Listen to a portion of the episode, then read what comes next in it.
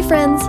Before we start the show, I wanted to share some exciting news. First Draft with Sarah Enni is approaching its five year anniversary and its 200th episode. I truly can't believe it. I'm so, so excited. Reaching this milestone has me thinking about better ways to engage with listeners like you who've gotten the show where it is today. That's why I'm excited to announce the upcoming First Draft Listener Club, a premium membership community where fans of the show will get audio extras like longer, unabridged episodes of the First Draft podcast, including this episode you're about to listen to, exclusive monthly newsletters where I will break down what I've learned about writing and life and podcasting from the last five years and become part of an interactive member community to connect with me, your host, Sarah Enni, as well as each other. Creating a listener club will not only help keep the lights on, it will ensure that First Draft can continue to grow and evolve. There are so many amazing new things and people and formats that I want to bring to the show, and this will help make that possible. To learn more about the First Draft Listener Club and to help us shape what that club will be, check out www.firstdraftpod.com or check out the show's Twitter or Instagram at First Draft Pod. I will be sharing the link all over the web. I really, really look forward to hearing from you, and thank you for all of you who have been listening for so long. Okay, now on with the show.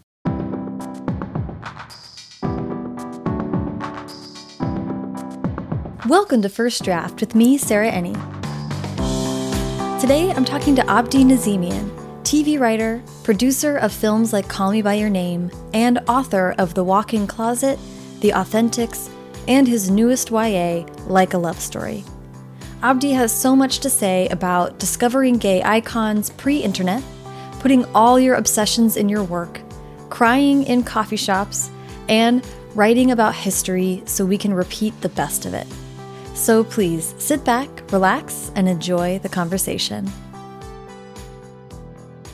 All right. Hi, Abdi. How are you? Hey, I'm great. Good. Um, can you please describe for the listeners where we are doing this podcast recording right now? We are doing this podcast recording in my daughter Evie's room, which is, I think, the my favorite room in in our house and also the quietest, the most kind of like it's almost like a little tree house here. It is. It was actually an addition. We didn't add this to the house. Somebody at some point. It's a very old house for Los Angeles. It's been here almost hundred years, and it was an addition, so it doesn't feel like the rest of the house. It almost feels like you're in the woods somewhere. Yeah, it does, and it's beautiful pink decorations. Oh, yeah, I'm, yeah. I'm feeling like I'm in love. You're right now. feeling like stuffed animals everywhere. bringing me some. Archie comic art from when I was a kid. A random a PJ Harvey poster. I do love that. I love everything. You know, every seven year old's bedroom has a PJ Harvey poster in it, right? Only the coolest. That's right. Only the coolest seven year olds.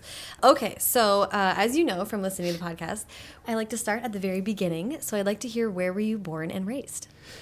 So I was born in Tehran, in Iran, and when I was two years old, uh, the revolution happened. My family left around that time, and we went to Paris, where I was for five years. Oh, wow. And then when I was seven years old, we went to Toronto.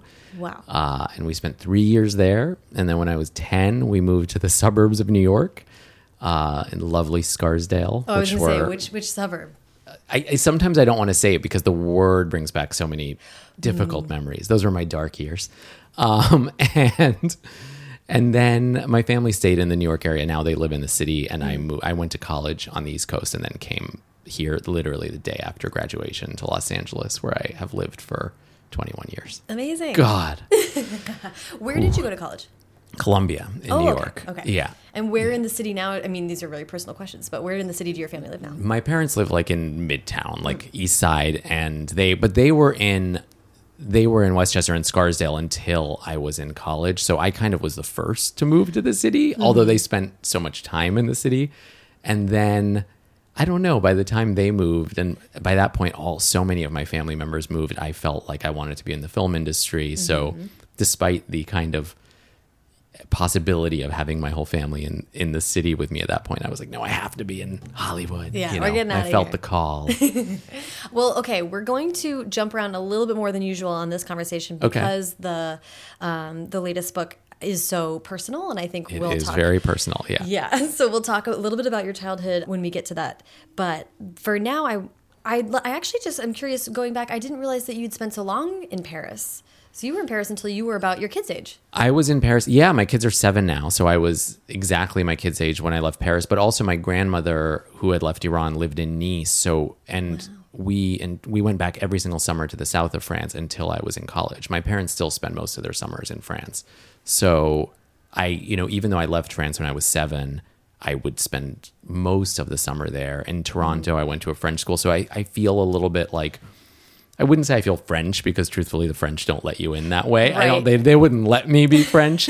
but um I love France. I love the language. It's very Okay. much a part of me, you know. Yeah, so- I yeah. And how d- I'm I'm trying to keep track of the number of languages that you must then know. I know five languages. Wow. Yeah. When which did is pretty wild. At what point in the pecking order did English come in? English came in really early. My whole family was born trilingual. So Okay. I, even though I was born in Iran, we grew up speaking French and English. And when I lived in France, we were sent to an American school. And then when I moved to Canada, we were sent to a French school. So it was like whatever country we were in, they would send us to the non-dominant language school to make sure we kept it up.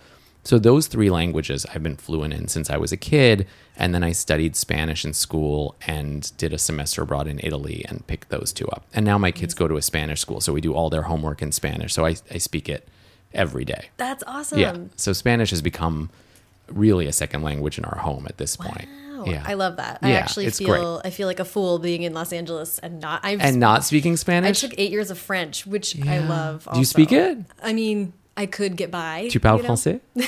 Un peu. Un peu. Has she ever spoken French on the podcast? This don't might be a think so. first. This is a first. This is a first. Yeah. No, I'm a big uh I love languages and I'm just a big believer in like you know, I think language just exposes you to humanity in a different way. It's like very em- empathetic to be able to communicate in a way that's different. There's so much that you can say in one language that doesn't quite make sense in another in terms of humor and, yeah. you know, intonation. Like so it's yeah. and how know. some languages have such a vast vocabulary for certain parts of life or feelings. Absolutely. I mean, in Farsi, our language in Iran, we have two words for different kind of farts and no word for sex or gay people. So, There you go. wow. I mean, now now we do. They finally come up with a word for for gays, wow. but for a long time, I mean, for most of my life, there wasn't one. And or for sex. No, girl. I remember asking my parents that there was not an official word for sex. That is Yeah, that that at Really? least that was ever shared with me. I'm sure there's some something somewhere, but yeah, there are a lot, and then other things that there are multiple words for that just you know Yeah. So that that is really interesting and a lot of moving around. I'm wondering how reading and writing a part of growing up. You must have been reading in multiple languages too and Yeah, I would read as a kid. I remember reading a lot of French books. There was like this French book series about this little boy, Le Petit Nicolas, that I was obsessed with. And then there were all the kind of classic. I love the Ramona books, um, stuff like that. But it was really Archie comics that like won my heart. I mean, I know that, That might be a so- controversial choice when talking about reading. I know people have weird like things about comic books, but I love comic books, and I felt like. I mean, I read them, I devoured them. Like it was, they were Yeah. so important to me. And I think especially because I moved to America when I was 10 Mm-hmm. and I was very foreign. I you know, I looked foreign, and I sounded foreign, I came from a culture that wasn't American and I really think that something about the kind of Americana of Archie like it made me feel like that was the country I wanted to come to. I mean, of course, once I got to America, it was very hard to assimilate and make friends. But Right. what book did I just read? I, I just read a book that had a line that was something like nobody does Americana like an immigrant. And I thought it was so smart because there is something about like, I was obsessed with Americana. I loved old Andy Hardy movies and mm-hmm. Archie, anything that was like wholesome. You know, I loved Christmas, Christmas movies. My family didn't celebrate Christmas, you know, and it, it felt like this perfect world that I wanted access to. uh you, do you know Tahereh Mafi?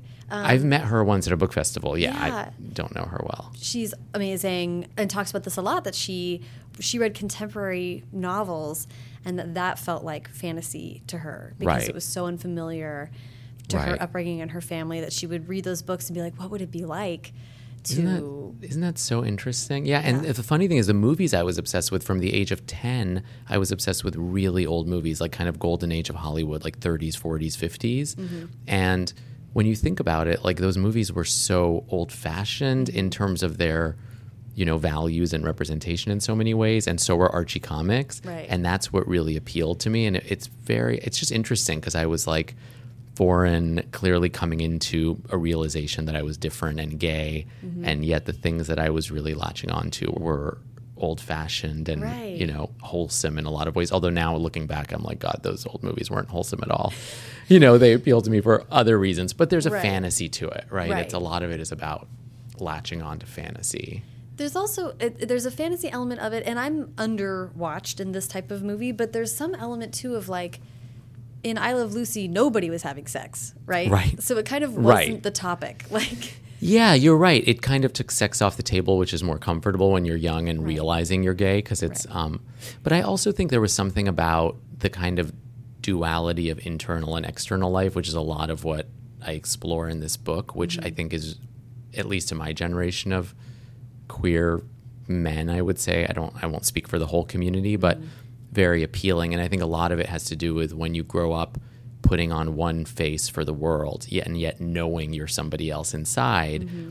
Those kinds of people that you would see in old movies were very appealing because you knew that the Judy Garland persona was completely different than the human she was inside. You knew the Joan Crawford persona was different than the person she was inside. And so it was very easy to see yourself in those people because that duality between interior and exterior were so different. Whereas for your average, you know, heterosexual white male narratives, which is most of what mainstream America was, there was no duality. Like they get to be the same person inside and out, right? Nobody Yeah. nobody's making them hide. Right. So it's not a it's not appealing to to me, like as Yeah. a viewer. Yet when I see those old movies, I, I immediately latched on, even at the age of ten, which is very young, you know. yeah, and very young to be latching onto a lot of under the surface, right? Yes, yes, and this is also, you know, I'm, I mean, I'm aging myself, but obviously, I wrote a book that takes place in 1989, so I've already aged myself. But um, you know, this was pre-internet, so I mean, the discovery of these people, these films, these works was not like you couldn't go on Twitter and be like, "Oh, I'm gay. What are gay people talking about?" Right. I mean, I found these people on my own in very mysterious ways. I would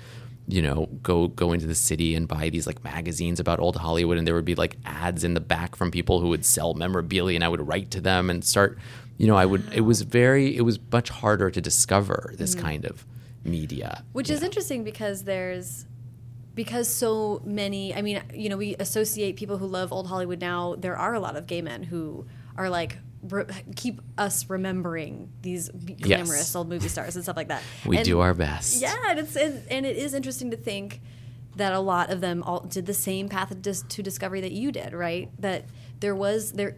You know, I'm not explaining this very well, but because you all found the same thing pre-internet, it makes Yeah. it seem it's like, oh yeah, that was a deep like calling. It was, and there there was this book that I really love. It's more of an academic book called How to Be Gay, which talks a lot about this exact phenomenon of how certain films or people or you know icons become part of gay language and gay culture, and the mysterious way in which many gay people come to them. I mean, when as a ten or eleven year old, I you know became obsessed with Joan Crawford, I didn't know that that was a gay thing. I mean. I was seven when I became obsessed with Madonna. I didn't know she would become a gay icon. Like, mm-hmm. All I can say now is that there is a mysterious connection between certain, you know, books, movies, cultural figures, musicians, where as gay people we recognize a piece of our own experience in them. I just read this incredible, you know, that 33 and a third series about different albums. Yes. This woman, um, Amy Gentry, wrote one about Boys for Pele, which is a Tori Amos album. I'm also very obsessed with Tori Amos. But a lot of it, you know, she talks more about um, the experience of being a woman, and a lot of it is framed in terms of the way in which things that are traditionally female and things that females and especially teenage girls like are kind of belittled and treated as like disgusting or, you know, uncomfortable, not worth consideration. But it also, I think, um, speaks to a lot of gay people's experience in which your sensibility, the things that you feel and like, are kind of shoved aside. Yeah, yeah. Um, well, we could talk about that for an hour. It will We be are- an hour of Tori Amos discussions. Oh my gosh! Well, that would be That's lovely. the next book. Yeah, definitely. But I want to talk a little bit about. There's so much that you've done in film and TV. That's not necessarily what we're going to talk about today. So I'm going. I want to just talk about the pull to being in movie and TV, getting into that world, and then what eventually led you to back to books. So first, let's start with when you knew you wanted to tell stories in that way. God, I mean, I feel like in a deep way, I knew I wanted to tell stories when I was very, very young. I mean, I would make comic books when I was young. I would write poetry, but it wasn't something that was really. Um, I mean, it just wasn't encouraged in my home or in my culture. So it wasn't something that I recognized as a possible path or calling. But what I did know one when I went, I was lucky enough to go to college in Manhattan, which meant that you could do a lot of really cool jobs and internships. Mm-hmm. And I, I had really, I mean, I should write a book just about the jobs I had in college. Like, I was a stylist assistant for these crazy shoots, like, you know, music videos and fashion shoots. And but my last internship was for a filmmaker, Alan Pakula, who made like Sophie's Choice and All the President's Men. He was amazing. I didn't deal mostly with him. I was kind of the intern who was reading scripts for his head of development, who is now one of my book agents, which is pretty cool. Cool. But I felt very strongly at that point that film was what I wanted to do. I didn't know what. It was such a, you know, I think like a lot of kids, you think like, oh, I want to do something in movies, but it's not until you're in the industry that you even understand what all the jobs are. Right. So, but I moved to LA. I knew very few people. That boss at the at Alan Pakula's company helped me get the UTA job list, which at the time was the only way to get jobs because Right. again, pre-internet. and I applied for every job. It was like 150 jobs, and I got two calls, and one was from a religious TV station, and I was, you know, would probably have taken that job if there wasn't another one, and the other one luckily was um, to be like an assistant to a producer, and so I took that, and it was kind of in the course of the first. I was an assistant for two different producers over the first two years of my time in LA, and mostly I was reading scripts, and it was really the process of reading all these scripts that convinced me that writing was what I wanted to do and was my way in. Really? Yeah, because I, you know, anything that you do that much, it's like that, you know, that Malcolm Gladwell theory of practice. Like once you read, you know, a thousand scripts in two years or however many I read, you're like, oh, it's not brain surgery. It's like I maybe I could do this. You I know, was going to it's say, is it because you read so many bad scripts? part of it, but I don't want to say it was only. I think actually it's the combination of good and bad. And I mm-hmm. still find it. I still read a lot of scripts for work 'cause I still mm-hmm. work as a producer where I work on other people's writing. And I think reading all kinds of scripts is helpful. You know, mm-hmm. like reading the great ones can be very helpful, but also reading ones where things don't work is very instructive as well. But um, so that's what started it off. And I wrote my first script with a friend of mine from college and we just did it for fun. Like I remember emailing him and being like, I've read all these scripts and I think we can do it too. And we did and then you know one thing led to another and we had about like 10 years of being a writing partnership Cool. and then eventually i mean i still write film and tv and i love it but i think what led me to books if you want to jump there um, Yeah, let's go for it. i mean what led me to books really was that it, it was very evident to me that the kind of personal stories i want to tell Yeah. were going to be very hard to do in film and tv it's mm-hmm. just by nature of the way the industry is set up, where movies, you know, and TV shows take millions and millions of dollars to get made, and they usually need movie stars to be greenlit, and there's this circular conversation in which, like, anytime I would write a conversation, a piece about an Iranian, they would say, "Well, we have no movie stars." To cast it, and then I'm like, but how can you create a movie star if you never cast us? And when you do make a movie about us, you cast Gael Garcia Bernal or Salma Hayek or Alfred Molina or, you know, blah blah blah. So it's um, so it was very hard and it was it was it got to a point where i felt like i if i'm ever going to put my name on a piece of writing that feels like it is a true piece of me then i have to maybe find another form for it and so books felt like the you know I suppose I could have tried theater or something, but I, books just felt like they were the more personal medium. I always loved. I'm a huge reader, so I honestly, in the beginning, when I was writing books, felt really afraid because, Really? oh yeah, I don't know. It's funny because I'm friends with so many authors now mm-hmm. because we go on like the circuit together, and it's so fun. And so many authors will tell me like that they're afraid of writing screenplays, and I find screenplays much more natural because I think more in dialogue. Hmm, Interesting. Um, yeah. It's the internal part of books was hard for me in the beginning. yeah, prose you is not. It's very complicated. It's prose is very complicated, and in in scripts, like you know, if you ever, re- I don't know how many scripts you've read, but a, few. lot is left to the imagination. Like you are not meant in a script; you're meant to give hints Yeah. of what a person may be feeling. You certainly should evoke that feeling. Mm-hmm. But you know, you're not giving the actor their whole internal life or giving the director their whole visual Right. palette. Like you're you're giving enough that it's a blueprint. Mm-hmm. So yeah, when I started writing books, it was really frightening. I mean, my first book, in all honesty, is sitting on a shelf. It, it will Oh, never be read. Yeah, I don't know if other. I'm sure other people have this experience, but I wrote the very, very first book I wrote. I liked it a lot at the time, Mm. like most people like their own first books. But um, but after I finished it, I immediately started writing a second one. And when I showed my agent pages of the second one, he was like, "Why don't we just put the first one away for now? Because the second one's going to be better." Well, how? Okay, so so I'm really interested in that because looking at so your first the first published book for you is the Walk-in Closet. Yes. and I have questions about that in in it being the first thing that you put out in the world as a published book. But I'm interested in what what was the first book about? The walk-in closet. The the Oh, the first first book. one. Well, so the first book I wrote after a couple of years of being an assistant in LA and then being a writer, but it was about a kid who moves to LA and becomes an assistant. Um, so it was it was um he becomes an assistant to a movie star who he discovers is in the closet, and it's really the story of him and these other kind of like early 20 somethings who had just moved to LA uncovering this kind of the sordid nature of this closeted actor's life in which all of these powerful people are making bad things happen to keep the secret. At the time, Hollywood was very different. I mean, now I haven't even read it in 10 years or however long it's been. At the time, I felt like there really were no out celebrities. I mean, the world has changed drastically since then. Um, so it probably was more it, it felt more relevant at the time. But I, you know, I really did like it. It was, but it was very, um, I don't know. I mean, when I look back at it now, I'm really obsessed with this writer Armistead Maupin and his books, Tales of the City, the series. Mm-hmm. And I feel like when I look back, I'm like, oh God, I was just imitating his style. like I wasn't finding my own voice, you mm-hmm, know. Mm-hmm. I it was very much like, and I still feel like I owe him such a debt because of all the writers I've read. He's probably one of the ones who's indirectly influenced me the most and made me feel like I could do it the most. Um, yeah.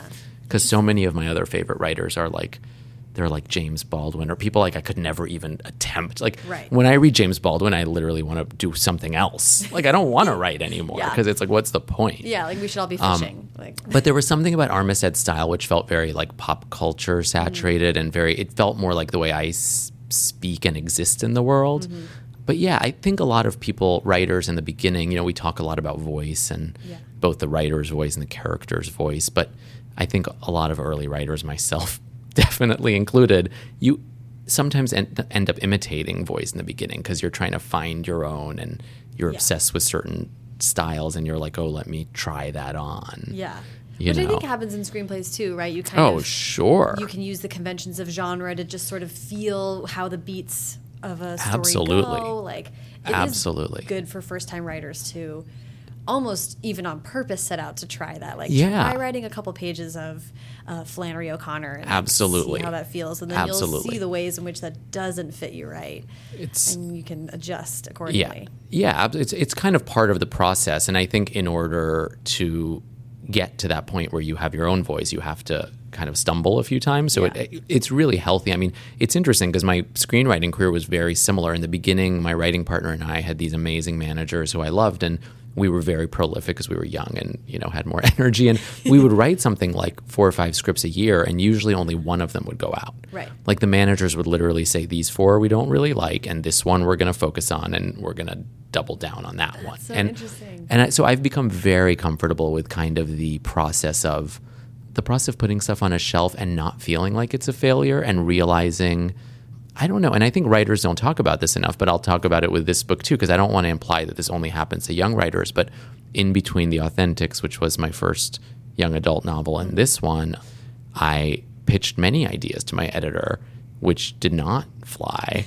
and at a certain point, I was like, you know what? I'm just going to take a stab at writing some pages. And I wrote pages and mm-hmm. sent them thinking, like, oh, these are great.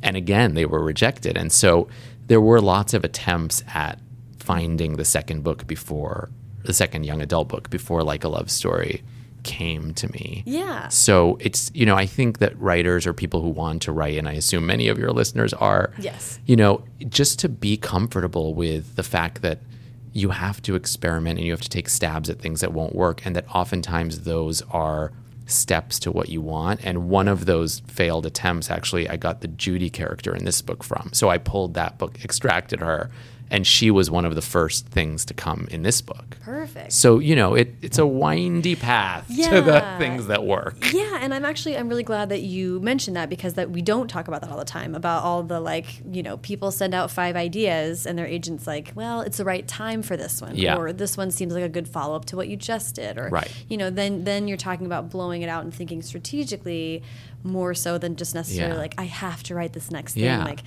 having a little bit more of a business It's so mind. true. And and sometimes it's in addition to the business mind, it's making peace with the fact that you may have a really good story in you and it's not yours to tell. Like I think sometimes I've had these ideas where I'm like, I know this is a good idea.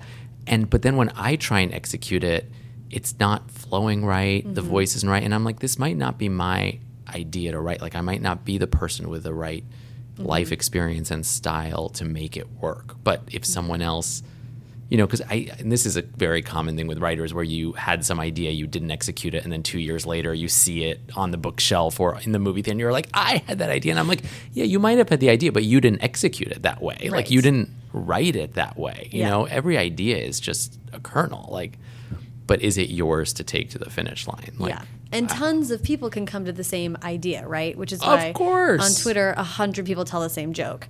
and it's like, well, yeah, because that's it's not a big leap, but it's about the execution of like a Yeah. whole vision, a whole sure. aesthetic, a whole Yeah. all of that stuff. Like that's where Yeah. you actually build your career and Absolutely. Absolutely. Ideas are I mean, I used to teach screenwriting at UCLA and I there was one student, oh god, I hope he's not listening, but there was one student who refused to share his idea with the class and it was a writing workshop. It wasn't a lecture and I told him I said, "This class doesn't work if you guys don't share your work. Like Yeah. if you're worried, you can take it to the Writers Guild, you can register it."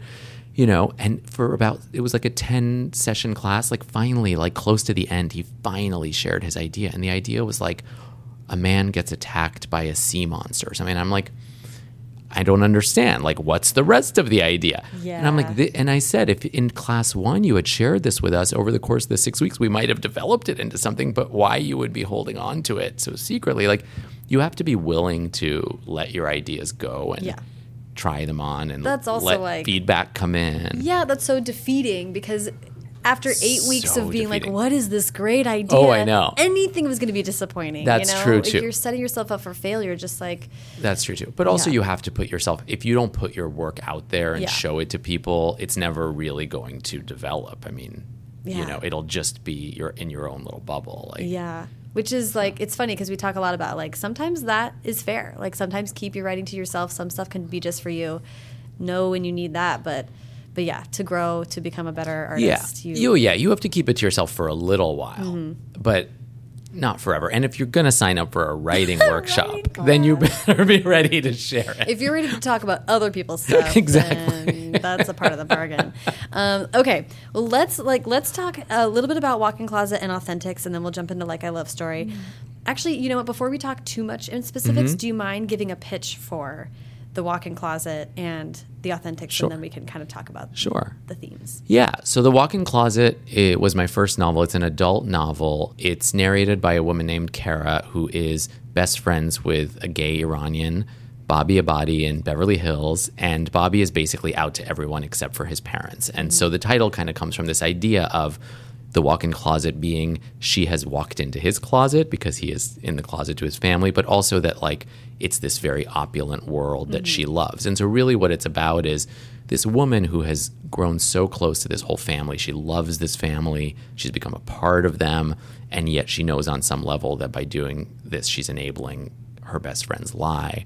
And it's about what happens when, you know, Because all she, of that she, they pretend to be a couple. they pretend to be a couple. yeah. They've kind of like they've kind of it's like a sin of omission where they never meant to pretend, but his parents assumed, and they've been friends since high school. So what do you do? Like. Right. and it's kind of what happens when that closet door comes bursting open. and so it's it's like a I don't know. It's kind of like a comedy of manners, like Mm-hmm. in a way. It's very much like it has a little bit of satire. I think gentle satire because I love my community. Mm-hmm. But um, I mean, actually, when the book came out, I was told that it was the first book with a gay Iranian, gay male Iranian protagonist ever. I mean, I don't know if that's true, but if there's another one, I haven't been made aware of it. Um, so we weren't really out there. So it was really my attempt at just bringing this story out there, but doing it in a way that had the humor and the Yeah. fun that I think my community has, and not making it Yeah. you know, too serious. Um, What do you call you had? Is it ter- yeah, yeah, yeah. So the first two books, that and the Authentics, both take place in Tehrangeles, which really is what we call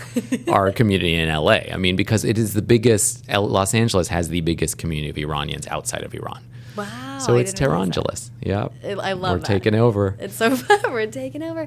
Um, and you had a quote that was I thought was so fun that Persians quote recreated a microcosm of 1970s Iran in their homes and communities, which to me strikes when you talk about comedy of uh, etiquette or Yeah. you know it's like the British Victorian novels, right, where it's all upstairs downstairs, kind of within their very home. much so. And but and I always tell people though, because people say, "Oh, you were raised like all around the world, and you know, et cetera, et cetera. You're so worldly. You, your experience is, and that is true to a certain extent. But I always remind people, in our home and in our community, I was really raised in like 1970s Iran. Like those values, that world, those sounds, that music, all came with my parents and their friends. My parents really stayed in that community. Most of their friends. We weren't raised in America when we moved here with American friends and American families coming over. We were very much still in an Iranian bubble. Yeah. So that part of the book is very true. And still to this day, when I walk into Persian homes, I'm like, wow, it feels like you're walking into both another place and time, which has its pros and cons, right? It's and that's so much of what Kara, because so many of my American friends idealized my mm. family and culture because it had so much richness and specificity and culture. Right. And it was also my way of celebrating by looking at the outside in because for me it was sometimes hard because I resented the culture for not accepting my you know being Right. Well, it does strike me that your very first book attempt was a male point of view. Yeah.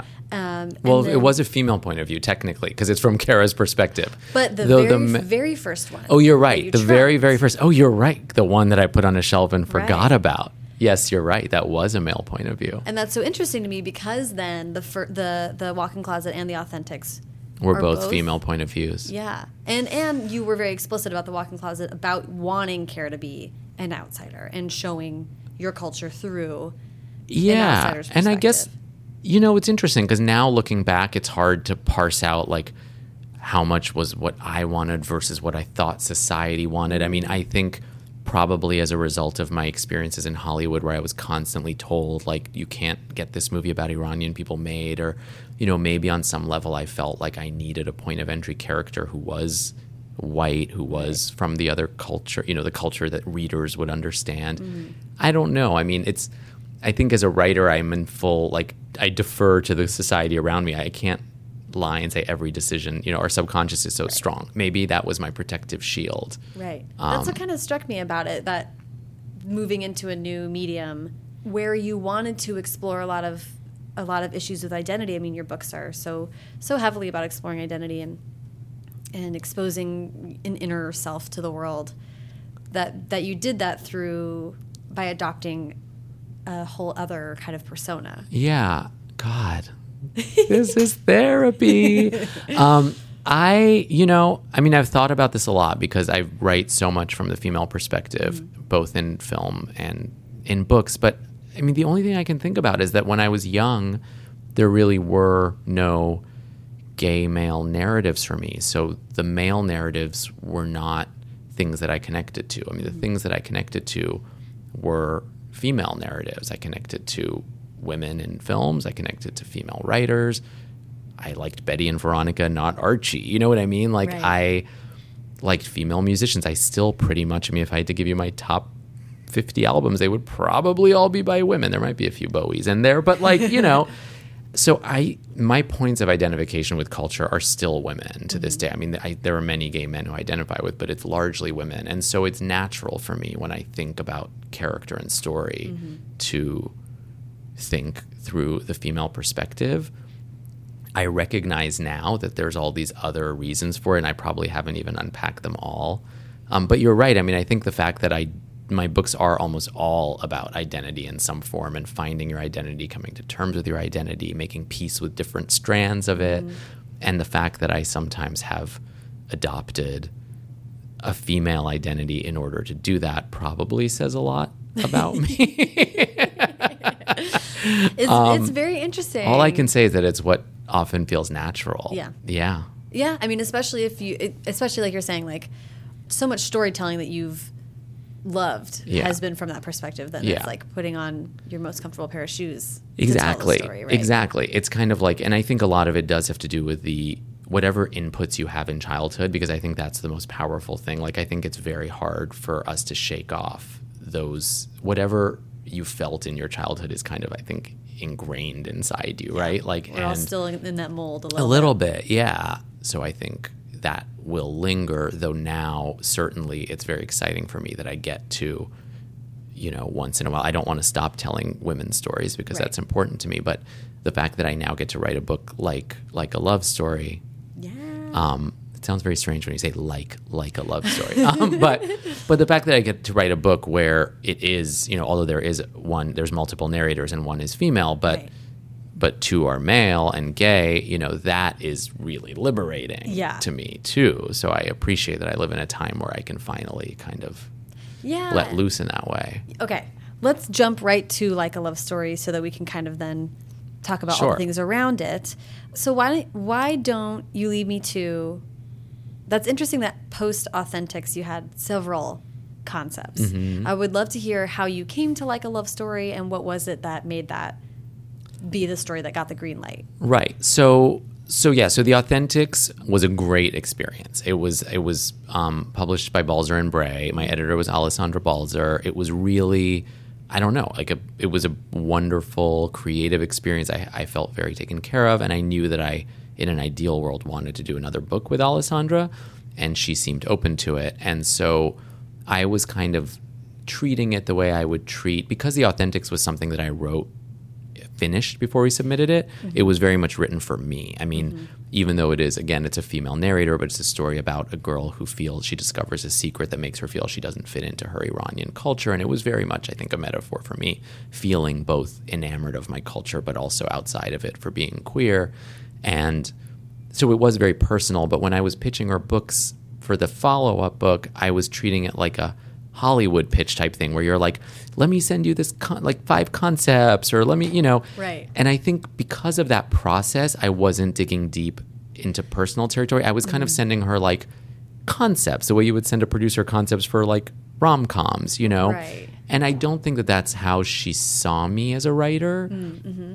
And eventually we went to brunch. I was visiting New York.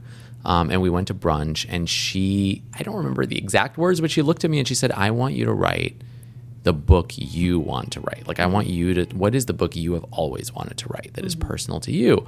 And this story that turned into like a love story, though the specifics of it weren't there, is something I've wanted to write for a very long time. I, I had wanted to make it as a film for a while.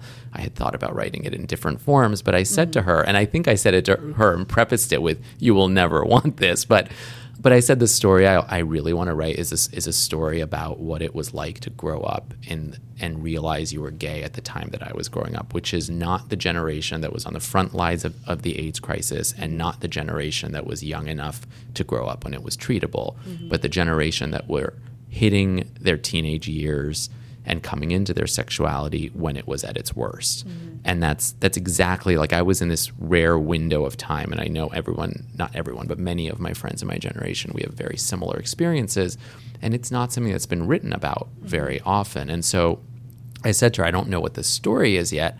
I just know that that experience was so unique and to view what was happening with AIDS in this country through the lens of someone coming into their sexuality as a teenager would be amazing. And she said, go write it. And, you know, so she had said, I think, I think she said, go write like a chapter or two. I can't remember. Um, and I have a very weird writing process because it's hard for me with my job and kids to write. So oftentimes I'll go away and I'll binge write.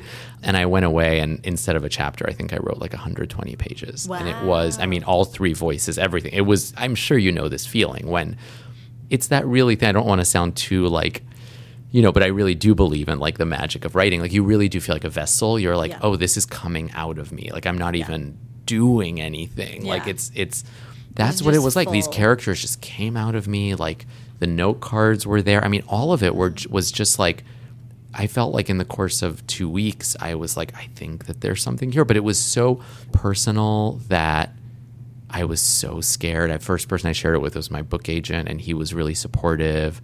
But he's also a gay man, and so we were kind of like, is it us? Are we so personally attached to this time and this theme that Right. you know what is Alessandra going to think? And so then when she liked it, it was just like, you know, I felt over the moon, and then you know we set about finishing and editing and all of that, but. Yeah. But that was really the process. It was really being encouraged to tell the story I genuinely wanted to tell and not the one I felt like she wanted or, Or was a publisher expected of you, wanted or was right. expected of me. Yeah. Yeah. Which is a powerful thing too. I'm all about like framing and context. That's Yeah. like a huge just like part of my life. So Yeah. so just the shift in perspective, like rather than being outside in, going Inside, inside out. out. Yeah, and I think it was it, I think it was John Cameron Mitchell who said, and I may be wrong about this, but um, who said like if you put all of your obsessions into your work, it can't it can't be bad. And I, I I got at this point, and my book agent really was supportive because it was you know as I was writing this, and the first draft was even more. It was it was a little more strident, mm-hmm. and I was just like it was like all of this passion was coming out of me and some of it was anger but mm-hmm. some of it was also just for all of these things that I've been obsessed with my whole life. Some of it is like the activism I've always been really I think because of the generation I come from I looked up to the previous generation to mm-hmm. the activists um, who kind of saved all of our lives you know? But also people like Madonna like you know Judy Garland like these people who I felt like kind of saved me in other ways as a kid. And I was just writing and writing and writing about them. And I really had to pull back on some of that, but it felt it just felt really liberating. And I and I felt like once I was writing it, like I have so much love for the things I'm exploring in this book. They mean so much to me that it can't I hope it, it comes through. Like it can't not come through, Yeah. right? When you yeah, feel yeah. that deeply, like. I mean, when you are literally crying, like I, I'm not kidding. I'm not somebody who like cries that much, you know. But I cried through writing so much of this. I mean, I would be in tears at a coffee shop, and I was like, "There's got to be something is happening here that doesn't happen with every book." Yes. you know. Yeah. I, I do that too, where I'm like, oh, I'm- I'm just weeping a little bit at this Right. coffee shop. You're like, no one needs to know. I think you can't ask someone to cry unless you cry when you're making it. Yeah. To be honest. Yeah. I don't think there's a way to convey it without that weird ephemeral thing that happens when you're so in this, that zone. Then you're creating Right. that special Right. stuff. You know. Before we get much farther with like a love story, you have already to some extent, but just like the official pitch for the book a little bit. For like a love story. Yes. So, like a love story is a very difficult book to pitch, but it is a um, it's a book about three teenagers, Reza, Judy, and Art, who um, kind of fall in and out of love with each other, um, both love and friendship, in over one school year in 1989 and 1990. And they also get involved in ACT UP, which was an activist and AIDS activist group in or around the country, but in New York for them in the late 80s and early 90s. And um, so it's really about how the three of them kind of find themselves, find love, and, you know, come into their identities. their own. Yeah. Um, it's really, really beautiful. I have like had such a good time reading it. Thank you. Yeah, so I have a, a lot of questions. I'm Sure. going to ask the most important ones, but I, but especially given what we just talked about a lot, I was struck that this story has it has three narrators, so there is Yeah. one female narrator, but there's two male narrators. And knowing a little bit more about your history, it seems like both Art and Reza have so much of you to them. Reza, though, I think came to he has a lot of your same biography as far as where he lived, when he lived. Yeah. But I think he's a little bit later to come to the states. Is that right? Or He is later to come to the States and also would be, he would now be a little older than me. So the characters don't line up Right. exactly with my age. I changed it by a few years for a variety of reasons, partially because I was really like deep in research on ACT UP, and a lot of the actions that you know I wanted to focus on were during this era. I also felt like the era of um, once it became very clear to me that the two biggest kind of like cultural historic things I would be drawing on were ACT UP and Madonna. Mm-hmm. The era of Madonna's career, where I really felt like something shifted, both in terms of her representation of sexuality, but for me mm-hmm. was the same era was 1990. And so as I was kind of looking at, oh wow, it was like you know these ACT UP protests that I remember so clearly, mm-hmm. and like the Blonde Ambition tour and the Vogue video, and all of that was like Yeah. In the same year, and it became very clear to me that that was when the story had to be. But yeah, Reza superficially does have a lot in common with me, though his story, you know, is not mine. I mean, he Right. had a dad who was an alcoholic who passed away, a mom who remarried, a sister. I mean, I have none of those things. So, as always, fiction veers away from the truth. Um, he does have a lot of my superficial qualities. You know, he's Iranian. Uh, he's obsessed with Madonna. uh, he's kind of reticent to come into his sexuality, and it takes him a little while. But at the same time, art also. I mean, I art is somebody who is very who has a lot of anger, a lot of passion, a lot of activist spirit, and although I don't think I externalize a lot of that the way art does. I do feel like when I look back at my life, I do have a lot of that energy as well. So yeah, I, I read interviews where you because Reza is quiet Yeah. sort of quietly trying to yeah, come to grips no, I'm not quiet. And yeah, you had an interview where you said that you were a very outspoken teen, which struck Oh, me as more of art's kind of art is really like living out loud. And, Yes. and um, the kind of person that I think judges who he figures out who he is by letting by projecting and letting things bounce off and Yeah. seeing what comes back. Yeah. um, is how that kind of struck me. So it's interesting to to see. And there's a lot of cl- difference in class that's discussed, and I mean, Right. there's so and they're uh, these kids all live in, I think on in Manhattan or maybe they they all live in Manhattan and they go to a private school and they all I mean I think class is one of those things that I love when class is explored in especially in young adult literature because Mm-hmm. I think class is so important to young adult lives and to the way Yeah. that we explore identities and oftentimes people are reticent I think to really talk about it bluntly. Americans don't want to talk. they don't want to talk about class or money. Yeah, it's true. But so each each of these teens really comes from a different class because Art comes from the upper upper class.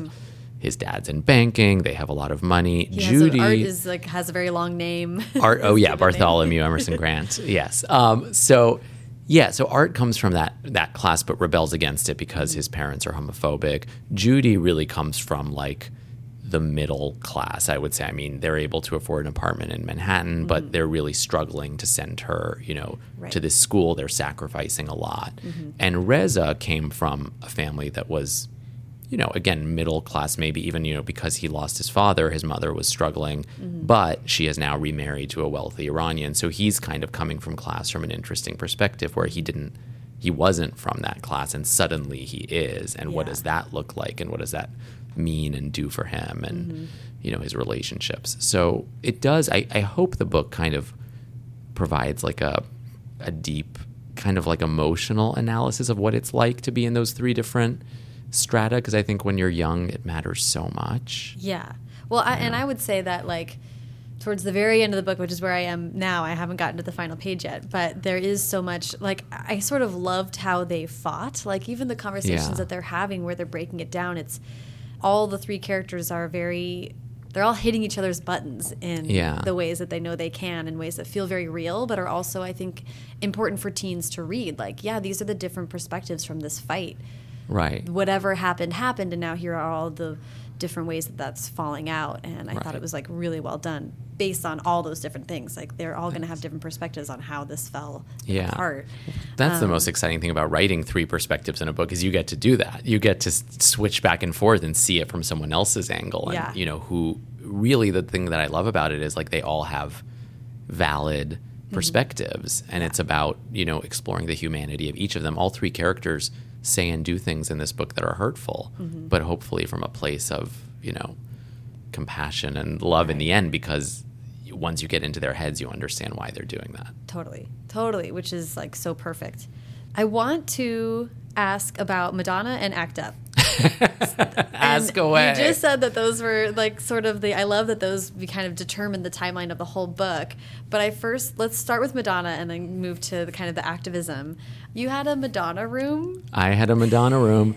So this was so I got obsessed with Madonna when I was seven, which is when her first video came out, which is actually crazy because it's the age my kids are now. So it really like puts it all into perspective. Oh, man, and Pokemon. they're well, they're obsessed with Pokemon. It's true, but they are also obsessed with Madonna.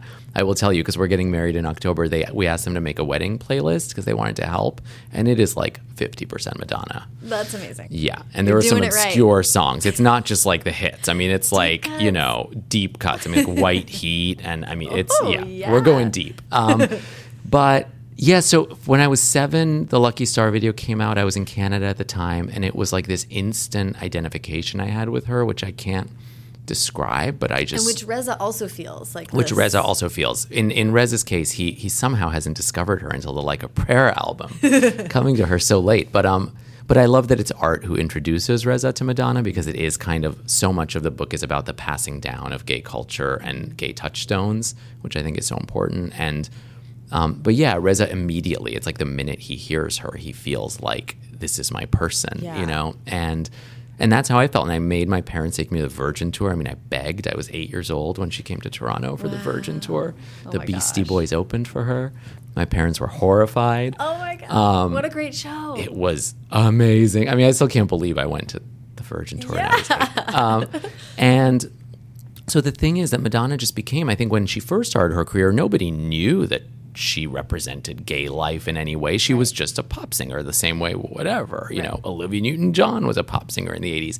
But as it became very clear that Madonna was something bigger and a bigger cultural force, you know, she remained like my obsession. And then when she started to introduce gay themes very explicitly into her work, mm-hmm.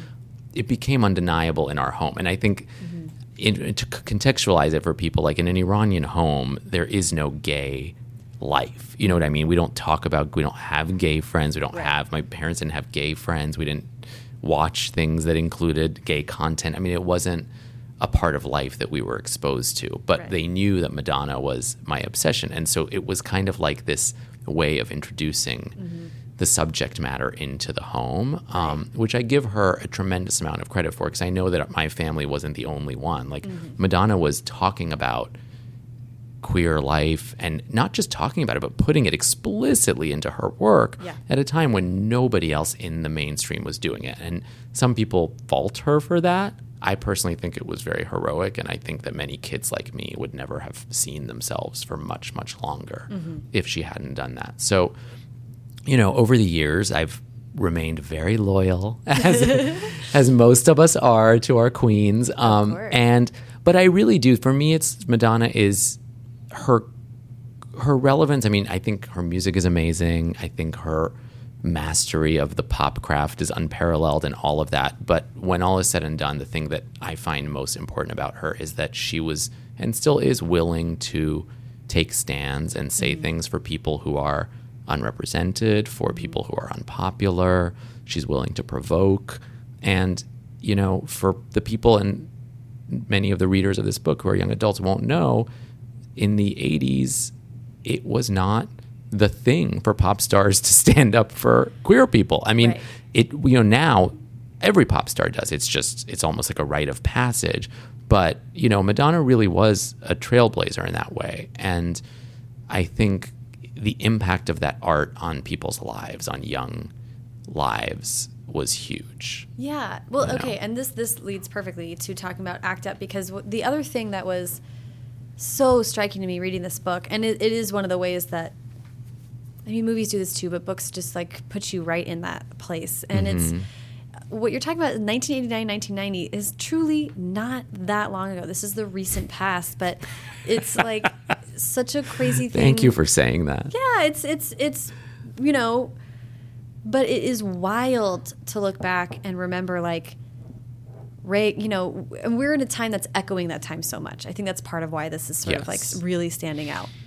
Is I was like, yeah, this was a time when when the president was like openly hated by a lot of the country and Mm-hmm. he wasn't interested in representing a lot of the country certainly not interested in representing queer issues or like saying aids out loud No. um, and and a moment where there was so much anger and with and the activism that was done then sowed the seeds for what we're seeing now is like Mm-hmm. explicitly being borrowed by the activists that we're seeing now and so to have this this book come out and be kind of like a reminder Yeah. that we've been here before um, but also remember what it was like in the very recent past to be gay in this country Right. and how s- scary it was and how unknown and how there was not the kind of community that exists now that's so much more mainstream. Right. It was I mean it was very powerful to have this Yeah. book kind of like put me back there or at least to imagine it, you know?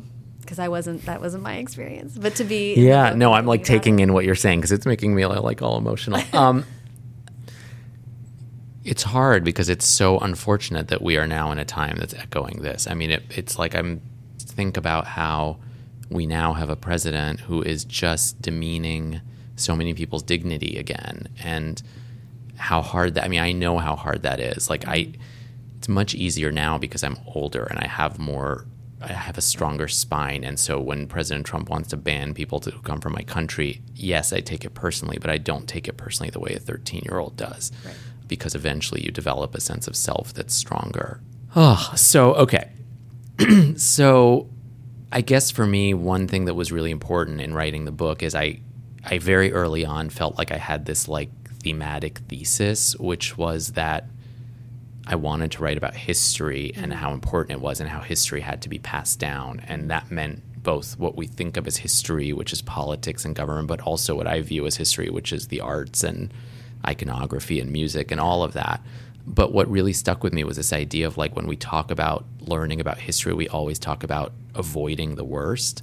Right. And I wanted to come at this book from a place of what if we learn history to repeat the best? Mm-hmm. And mm-hmm. so what I wanted to do with exploring ACT UP, and I'm, you know, I'm very open with the fact that I was never in ACT UP. I was a kid when all this happened but to me, they were some of the biggest heroes of my life and that I looked up to. And I think about like, why aren't we studying them in classrooms? Like, why aren't we, when, as you said, and you're right, many modern activist movements are kind of borrowing their structure from totally ACT UP. I mean, ACT UP was it, yeah. revolutionary in the way it structured itself. Yeah.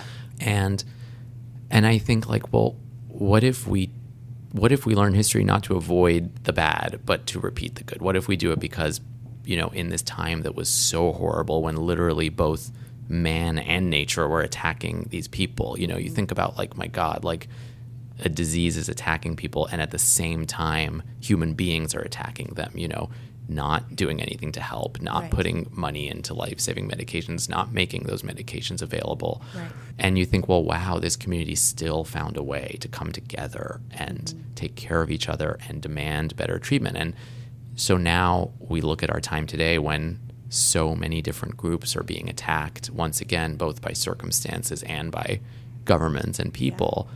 And what can we learn from this time, from ACT UP, from the way the queer community persevered? Yeah. I think that's all like, I don't know. It just, it filled me. Like when I had that thought, I remember having that thought and being like, I don't know, like, how I put that into a story, you know, right. but I know that that's a concept that I need to explore. Yeah. You know. I think it's I think I I love that. I think that's such a cool way to think about history and such an important thing to say like I learned so much more about history by hearing the stories. Right. That rather than watching the whole Ken Burns documentary, you kind of focus totally. on one thing, you know.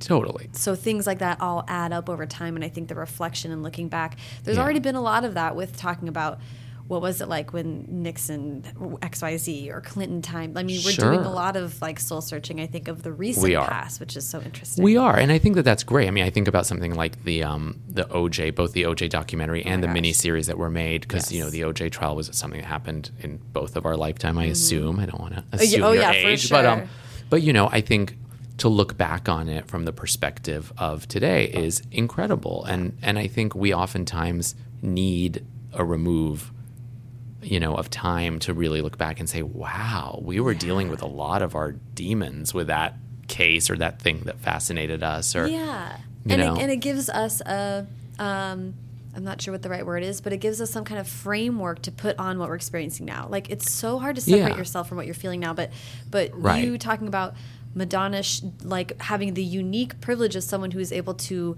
um, affect public conversation. Yeah. Which is something that, like, I don't think can be overstated. Like, saying we need to have a public conversation sounds so trite, but it's true. Like, when everybody's talking about something, it's a unique moment. Well, I don't know. I mean, I, I see. I think this is one of those things I'm so excited to talk about. Hopefully, when this book comes out, because I think that there are there are different perspectives. And I'm one of those people, hopefully, people will know this because I wrote from three different perspectives, but I'm open to different perspectives and they can all be right, right?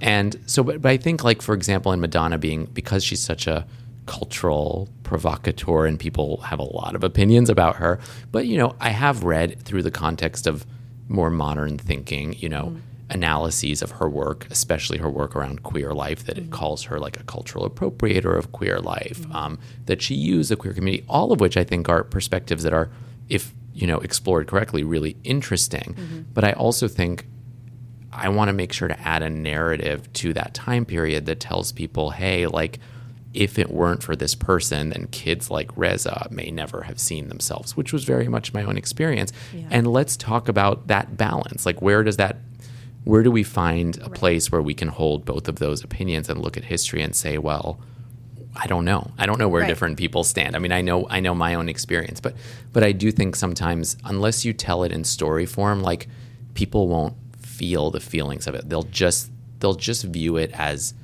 you know, a think point or an argument. But Right. I wanted to make sure it was emotional to show people like this person's work, this person's art affected this kid, like Right. made him feel more heard, more able to be himself.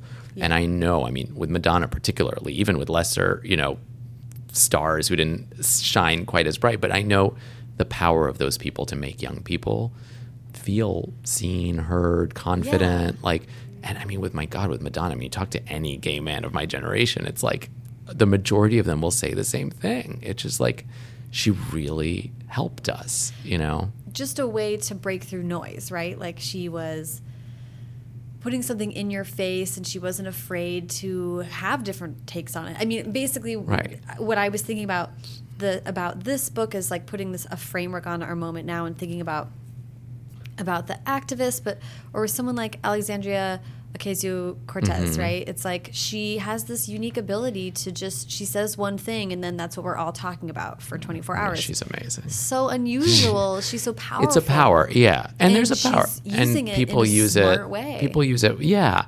And look, I mean, I know for me, like, and this is something I think about all the time. Like, I'm a I'm a gay person who is brown. You know, like I moved to this country and had a lot of trouble both because of my ethnicity and because of my sexuality. So it was like this double whammy of like within my own community, mm-hmm. I was ostracized for being gay. Within the gay community, there were very little representations of people of color. Mm-hmm. And I think about this era. One of the reasons 1989 and 1990 are so important to me when the Madonna cycle is because it was when she was on her Blonde Ambition tour and that was when you know she it was like kind of the vogue era the truth or dare era for people who want more context but the thing that was most important to me about that era is all of her backup dancers who she basically made celebrities Oh, yeah. were very clearly gay because they were effeminate you know Yeah. and although i still didn't know they were all gay in the beginning which is a whole other story but um and most of them were either black or brown and for a young kid like me you know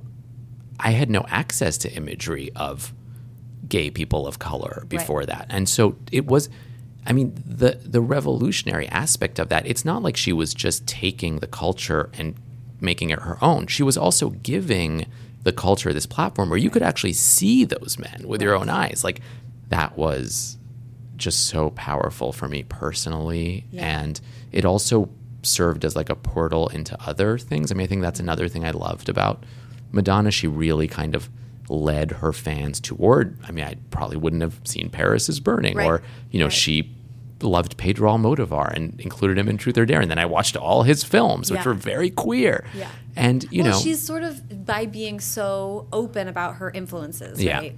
Then Right. Exactly. made her aesthetic something that you could all exactly so from. you know and that's where i think i'm the book very much is about activism how do you create change how do you you know how do you influence the world Mm-hmm. and i know that in my life art has been activism like i view i Mm-hmm. i don't think about her as like just a singer she's so much more Yeah. and i think the it, one of the things I want to do in the book is explore the different forms that people can create change because we're all different, right? And Yeah. I know there was this there was this recent time where somebody on Twitter, God, Twitter can be so good and so bad, um, but this person on Twitter kind of attacked me for like not doing anything for gays in Iran. And I was like, I don't, I haven't lived, been into Iran since I was two years old. I don't know anything about the situation on the ground there. Right. It's horrific what's happening, but I'm also one of the only people in our community who speaks about these issues. I've written now three books about these characters. I go speak to the community here and I speak to support groups. Like, if this isn't enough, like if the thing I can offer, which is, you know, being a writer and living my life openly and being a presence, Mm-hmm. isn't enough, then I don't know what you want me to do because I can't be that. And so, and I think the book, like Reza, it's very clear in the book that Reza is never going to be the activist art is going to be. That's not in his DNA, but maybe he'll find another way. Right. You know, and, you know, similarly, it's like, some people are meant to be artists. Some people are meant to be activists. Some people are meant to raise. I mean, the, one of my favorite characters is Judy's mom, who at some point says something about how raising her is is enough, and that's her good thing, you know. And Right. but the question for me is, how do we all find our way to impact the world? I have no judgments over people's ways, but I do think it's important to think about what is my lasting influence. Yeah. Yeah, I love that. You know. ah, Um, so good. Okay, we have to wrap up. Ah! The last thing I'm going to do is a quick thing about Drag Race, then we're going to do advice. Just because because we I teed up Drag Race earlier. This book also made me think about Drag Race because I'm always thinking about Drag Race, but that it that that is one of the places RuPaul's Drag Race is one of the places where you see generations of gay men in the same room having these experiences and some trans women and just like this effortless intersectionality and sharing stories and like the young look queens who are Instagram famous versus the people who have been dancing for 30 years and owning the stage like them sharing their stories was the first moment where I was like this change has happened so fast Oh, yeah. these queens are putting on makeup next to each other and their experiences getting to this point could not have been more different Yeah. and it's such a cool that that conversation is on TV. It's on VH1. I'm obsessed. It's amazing. I've seen every episode of Drag Race and All Stars. Oh yes. You know what's interesting about RuPaul's Drag Race, and I don't know if this is still the case, but at one point I had heard, and I've worked with many people involved in that show, but um, at one point I'd heard that Ru gives all the queens before a season starts certain films, like certain touch points, and one of them I believe is Mommie Dearest. One of them is Paris is Burning, which a lot of the language of RuPaul's Drag Race comes from. But I thought, you know, what's so great is because drag, like a lot of it is, a lot of references and language are coming from these other places. And I think it is important for young drag queens to know where some of those you know lines are coming from. It's like if there's going to be something that they all repeat and then we all repeat because we hear it there, that we know where it comes from. Um, so I always thought that was really cool. Yeah. But I agree with you. The idea of you know RuPaul's Drag Race is intergenerational. It always is incredible about representation. Now we have a trans contestant, although actually it's a second trans contestant, right? Second and several trans have, have come out as trans after, since yeah, yes, since the show. Um, after winning the show. it's yeah. So I think it is. I mean, oh God, it's revolutionary. I love that show. It is one of my favorite shows. It's so good. And a friend of mine just watched it with me for the first time the other night with that episode, which was so good. And she was like, I haven't had this much fun watching a TV show in years. I was like, yes. It's really it's the amazing thing to me that's so um, it makes me feel so good about the world is how many straight people I know who watch it. I'm like, who are all these straight people? Like, Listen. where have all you like What, where have we been? amazing, amazing like drag loving? I guess I guess straight people always you know would have been open if queer culture had been available to them. That's the thing that I keep thinking is like it wasn't available for the most part. So how why would we expect anyone to engage with it? Right. It was so. I mean, by and that's part of what makes it so cool, though, is that it was underground. It's yes, like punk of course. Well, that's another way. thing. I mean, we could have a whole thing about that issue, which is like what happens when something underground becomes co-opted. Because as somebody who did come from a culture that was very much underground, I mean, Mm-hmm. gay culture was far more underground, and there is a part of me that loved that and still loves it because it Right. Mm-hmm. feels like it's yours and yours only and kind of the democratization of that while i think it's amazing because drag culture is so powerful and i think is doing so much good Mm-hmm. um, it does for the people who were part of that niche feel like something was taken Yeah. away you know Yeah, it's really interesting. Yeah, so that that's Um, something to talk about It needs to be respected, right? Like, but yes, literally, it does. Yes, yes, I know. I know. I mean, this. I got. I mean, that issue. Well, we would never get to the bottom of it though, because it's so complex and it's so personal. Yeah. Right. Yeah. That'll be our DragCon issue. issue Yeah, but you know, there's still drag. That for all of the RuPaul's Drag Race queens, there's still drag that's underground. There's still drag and drag performance art and stuff that would probably not find its way to Drag Race because it's not as like TV friendly. Right. But you know, so there is a lot out there that is still, very you know, if people want to explore. Don't think that. Don't think the underground has disappeared. Yes, counterculture is alive. yes, yes, it's true. Uh, okay, so Thank you for giving me so much time. But we do Oh, wrap God, up. of course. With, yeah, we wrap up with advice. So I, I don't know. I would just love to hear, especially as someone who has had a career in storytelling in many mediums. I'd love to hear what advice you have for people who are trying to trying to write books. Oh wow, I know it's a broad that is question. very broad. um, I mean, my first piece of advice would be, as we've discussed, don't be afraid to fail. You know, don't Mm-hmm. be afraid to write a lot of stuff that may just be a stepping stone to the thing that you will ultimately publish or you know get made as a film or TV show. Write from the heart. If you feel it, like you know, recapping some of what we discussed. If you're crying, Yeah. chances that someone else will cry are higher. If you're laughing, chances that someone else will laugh are higher. You know, right from your place of of love, not for anybody else. Yeah. And the other thing I feel like that comes up a lot when I talk to, to writers is is self editing too early. I oh. really believe, and I, I, I maybe you know maybe people are in the in different camps about this, but I really believe in banging out work and then looking at it later. You know, because I do think that like part of your brain that is the editor is your enemy when you're in the early stages of writing. Yeah. So don't stop. You know, even if you're 10 pages in and you know that something on page two has to change, just change it when you're done with a draft. Like, note it, move on. Yeah, I think that's Um, a really good point. I am on my like fourth time of doing the artist's way at the moment, which for those who don't know is a 12 week course of creative recovery. And I swear by it. And it's like the greatest thing ever. And it's really time consuming, but amazing. So Uh, of creative recovery. It's kind of like the idea is that like we're all creatively blocked, and so this woman Julia Cameron created this twelve week program, which I'm sure was kind of inspired by the twelve steps because the twelve of it all is. Um, there's probably some connection, but the idea is you you are doing all these exercises over the course of the 12 weeks that help to unblock you. The thesis being you're probably blocked. I think even after 20 years of writing, I'm still blocked half the time. So um, the the core of it is writing three pages of in a journal every morning, the mm-hmm. morning pages, and then taking yourself on an artist date every week, which is like a fun thing you do alone. But I really do. I mean, I tell everybody about that book, and it's just like it's this magical thing. Yeah, I like that. It's like slowing you down and kind of. It slows you down. It forces you into a, a routine. Mm-hmm. I think the pages are about releasing the shit out of you, all the anxiety, all the doubts, all the mm-hmm. thoughts. And then the artist date is really about reconnecting with that part of you that's like a child, because really it is like you're writing from that place, right? You're writing from that place of like childhood wonder and Yeah. curiosity, Joy. joy, you know, all those things that as adults we kind of just have beat out of us by routine and bills and doubts and fears. There was this, not to to harp on too long, but there uh, I binge watched all of Marie Kondo last week. I haven't done it yet. Oh man, I had a hangover and it was great for that. But it was it struck me like over and over and over again. She was like, "You." Her process is predicated on making people become more sensitive to their their sense of joy. She was like, "You need to you need to start with this and move on because then you're honing your ability to sense joy." And I was like, "What a."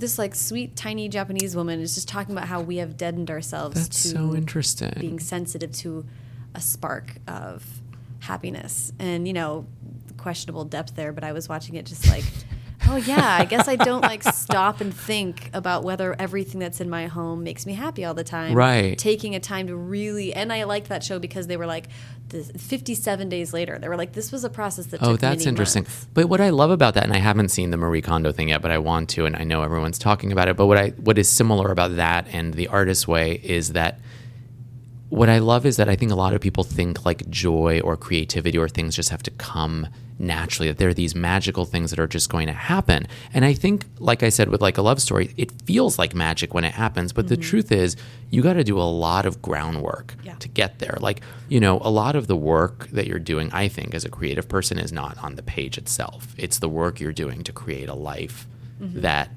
and a life that allows your creativity to come through, yeah i love that you know?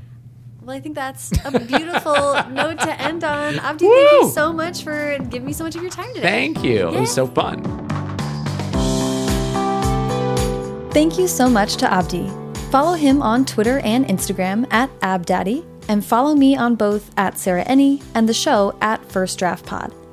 There are links to everything Abdi and I talked about in this episode in the show notes, which are available at firstdraftpod.com. If you enjoyed the show today, please subscribe to the podcast wherever you listen and leave a rating or review on iTunes. And don't forget to visit firstdraftpod.com to get more information on the First Draft Listener Club. If you sign up for more info now, you will get the chance to give feedback, and that's going to help shape the club from the ground up. What it is, what we offer, what the kind of interaction is like. Um, I really want to hear from especially people like you who are listening to the show all the way through the credits, the diehards. Uh, so definitely check out uh, firstdraftpod.com and fill out the form for more info. Haley Hirschman produced this episode. The theme music is by Dan Bailey, and the logo was designed by Colin Keith. Thanks to production assistant Matthew Selznick and transcriptionist at large Julie Anderson. And as ever, thanks to you, my lucky stars, for listening.